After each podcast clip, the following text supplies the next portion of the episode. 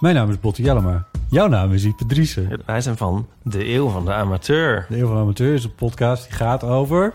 Alles. Het is een eh, podcast over levenskwesties die je niet kunt googlen. Een soort licht neurotische blik op het leven. Het is een podcast met humor. Jezus. Kijk, een grapje. Die, die vragen durft te stellen en die je ook onbeantwoord durft te laten. Mooi. met een regenboogvlagje. Dat, dat noem je queerbot. Dat an- regenboogvlag, dat klinkt echt als een soort... Eh, ik bedoel, iedereen is welkom. Kom ons luisteren in je favoriete podcast-app.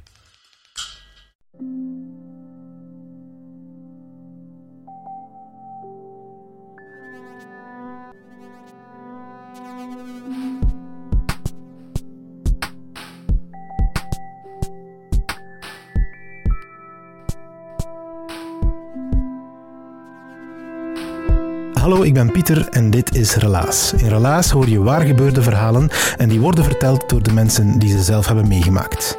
We gaan luisteren naar het verhaal van Jasmina. Het is een verhaal uit haar kindertijd. Een verhaal over moedige beslissingen nemen. Want twijfelen, dat kan je heel lang doen. En Op zichzelf is dat ook niet zo moeilijk, maar het zijn die beslissingen die je moet nemen. Dat duurt meestal maar heel eventjes om die beslissing te nemen, maar het is meestal niet zo gemakkelijk om de stap te zetten.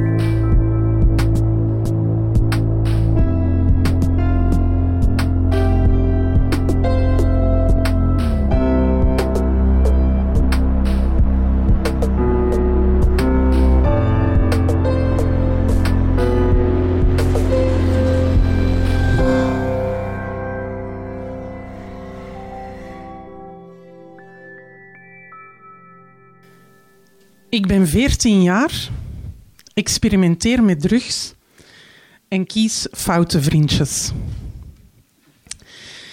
En ik zit op mijn bed in mijn slaapkamer en ik voel me eenzaam. Mijn vader heeft ons jaren ervoor verlaten en mijn moeder werkt zo hard dat ze me niet opmerkt. En als ze me opmerkt, maken we ruzie. En ik heb er genoeg van. Dus ik neem mijn roze fluo rugzak en ik stop hem vol met dingen die ik denk dat ik nodig heb. En vandaag de dag weet ik zelfs niet meer of dat het nuttige dingen waren of dat het zinvolle dingen waren. Ik steek van alles in die fluo roze rugzak. En ik neem mijn rugzak, ik loop het huis uit, kijk nog eens goed rond, vast besloten om nooit meer terug te keren. En ik loop naar het einde van de straat waar dat mijn beste vriendin mij opwacht. Want een dag ervoor, wij woonden niet ver van het Noordkasteeltje, hier niet zo ver vandaan, en een dag ervoor zaten we aan de Schelde te, onze situatie te bespreken. En zij had een gelijkaardige situatie. En we hadden echt het gevoel dat onze moeders ons eigenlijk liever kwijt dan rijk waren. En dus hadden we het plan bedacht om weg te lopen. Dus ik pik mijn vriendin op.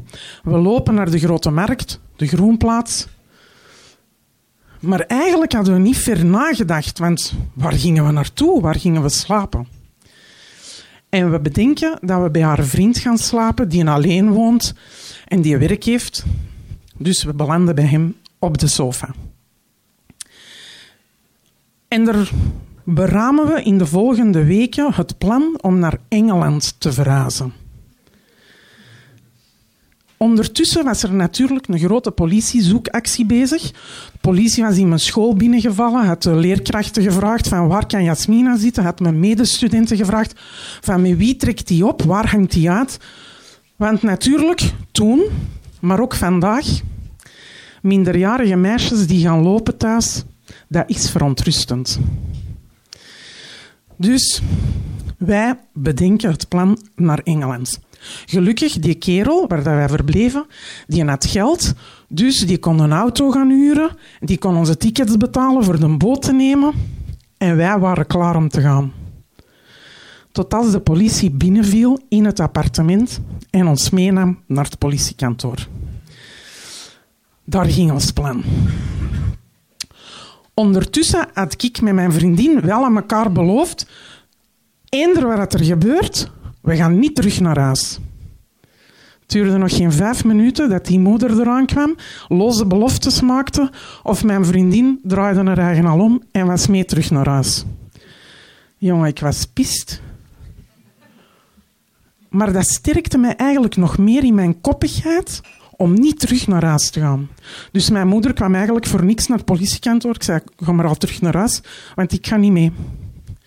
En ik werd tijdelijk in een instelling ondergebracht tot als ik bij de jeugdrechter terecht kwam. En ik kom bij de jeugdrechter en mijn moeder zit links van mij, de jeugdrechter achter zo'n groot bureau. En gelukkig, dat was een kei mabel man. Zo een man, een jeugdrechter, die met de jongeren inzat. En die stuurt mijn moeder op de gang, want die wou eigenlijk een gespreksje onder ons. En die stelt wat vragen en die wil echt weten wat gaat er in Jasmina haar hoofd om. Waar is die mee bezig? Waar ligt die wakker van? Wat zijn die haar dromen? Dat wou die echt weten. En op het einde van dat nogal fijn gesprek zegt die Jasmina, wat gaat je nu doen? Nu, één ding was zeker, ik ging niet terug naar huis. Maar ondertussen dacht ik, ze biedt stuurt je mij naar een gesloten instelling. Dat was ook geen goed plan. Dus ik kijk naar de jeugdrechter en ik zeg, luister dier. Als jij mij nu naar een gesloten instelling stuurt, ik zweer het, ik zorg dat ik er buiten geraak, ik zorg dat ik op een boot terechtkom en dat ik in Engeland terechtkom en dat mijn plan toch nog doorgaat. Mens, nu zullen denken, Engeland, komt ze erbij? Een jaar eerder, ik was 13 jaar, diezelfde vriendin, die zegt, ik kan, kan de kerstvakantie bij mijn familie in Liverpool doorbrengen. Heb geen zin om mee te gaan? Zeg, wat een geweldig idee. Naar Engeland, het verre Engeland. Dus ik, de oren van mijn moeder haar hoofd gezaagd, dat ik toch mee naar Engeland mocht om de kerst te gaan vieren. En die zei ja. Dus mijn moeder brengt ons naar Oostende, waar dat we de ferry, de ferryboot, naar uh, Dover nemen om daar opgewacht door haar zus de trein te nemen naar Liverpool. Nu, dat was in een periode geen smartphones, geen e-mail. Dus voor mijn moeder toch wel een bangelijke beslissing. En wij komen in Liverpool, wij hebben de vakantie van ons leven. Um, wij logeerden bij die zus en overdag ging die werken. Dus we hadden kei veel vrijheid. En s'avonds was die eigenlijk ook nog meer vriendjes bezig, dus hadden wij eigenlijk ook weinig toezicht. Geweldig, right? Dus overdag gingen wij naar de shoppingmall om te flirten met jongens. En s'avonds stutten wij ons helemaal op om naar de pub te gaan om nog wat te flirten met de jongens. Geweldige vakantie. maar ook daar kwam een einde aan. Dus het was tijd om terug te keren naar België. Nu, op die dag dat we terug met een boot gingen komen, zware storm. We geraakten niet terug. Dus wij naar zo'n rode telefooncel op de hoek van de straat, zoals dat je dat in Engeland overal ziet, om te bellen naar mijn moeder om te zeggen: Er is een storm, wij geraken niet terug, de ferries varen niet. Dus mijn moeder zegt, ja, niks aan te doen. Je moet wachten tot als de storm voorbij is en de volgende boot nemen. Wij leggen de telefoonoren neer en denken zo, die storm komt ons wel goed uit. Als we die nu eens wat langer laten gebeuren. Dus, een dag later, twee dagen later, terug naar de rode telefooncel om te zeggen tegen ons moeder, de storm is nog altijd hier, dus wij geraken nog altijd niet terug. wij vertellen dat, die begint mij daar te roepen. En denkt u nu echt dat ik een achterlijke ben? Ik heb ik al lang naar die ferrydienst gebeld en die storm is al lang voorbij. Dus je kunt maken dat je op de volgende boot zit naar België terug. Hè? Want kom je anders halen. Vakantie was definitief voorbij. Pakken de boot terug, komen in Oostende, mijn moeder nog altijd kwaad natuurlijk, en zegt tegen mij, by the way, uw directeur van school heeft gebeld. Je kunt morgen op de bureau komen. Ik zeg, ja, dat is niet de eerste keer dus. Hè. Dag daarna doe mijn uniform aan, katholieke school. Kom op school, ik kom bij de directeur. En die begint daar een hele preek af te steken, zoals dat hem al zoveel had gedaan de afgelopen jaren. En dat gaat één oor in, het oor uit.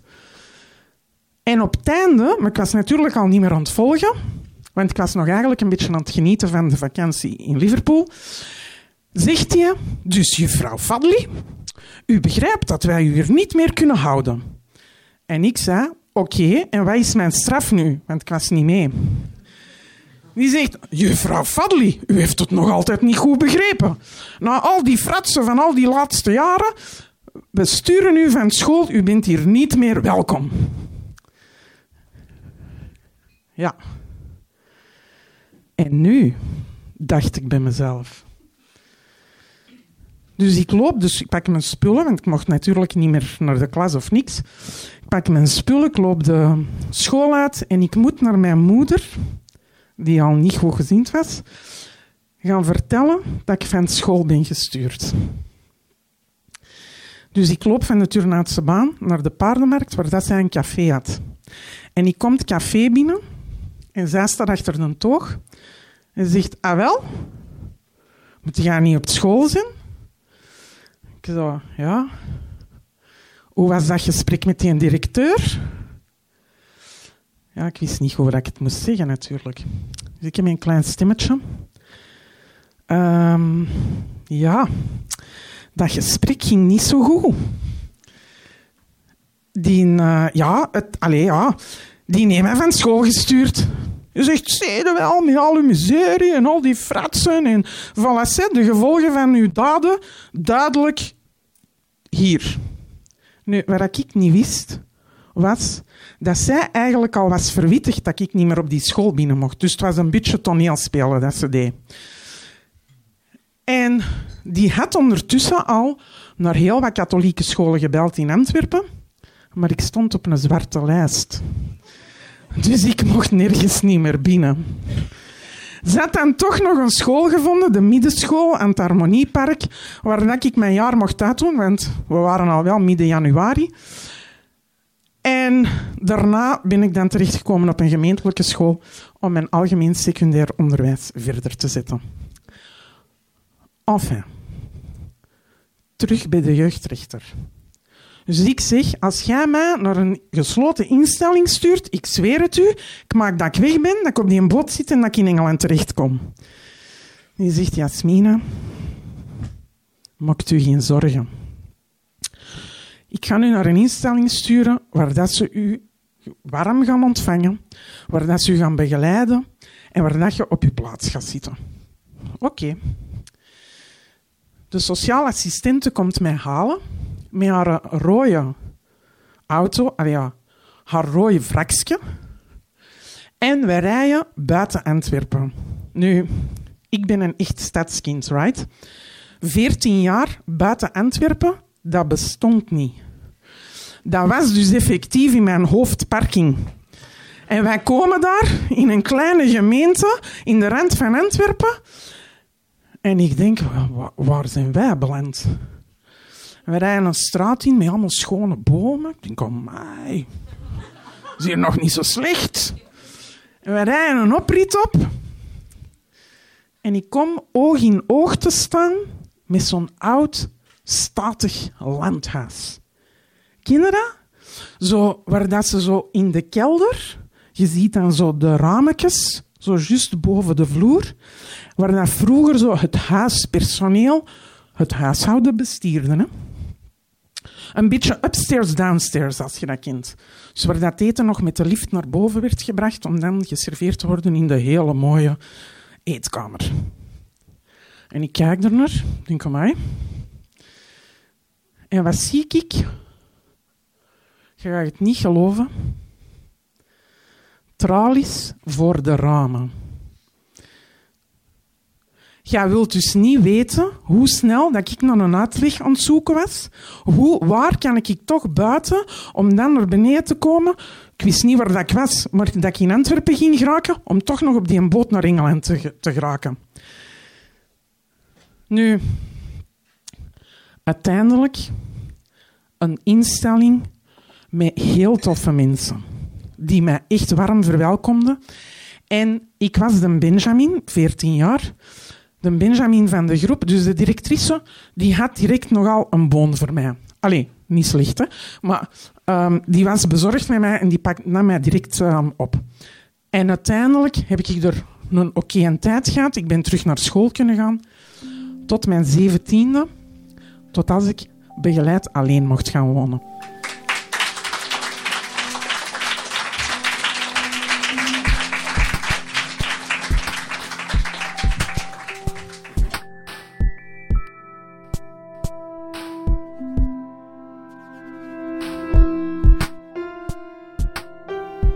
Dat was het verhaal van Jasmina. Ze vertelde het in de Hopzak in Antwerpen. Het was in januari van 2019. En nu vraag ik mij af, hoe gaat het ondertussen met Jasmina?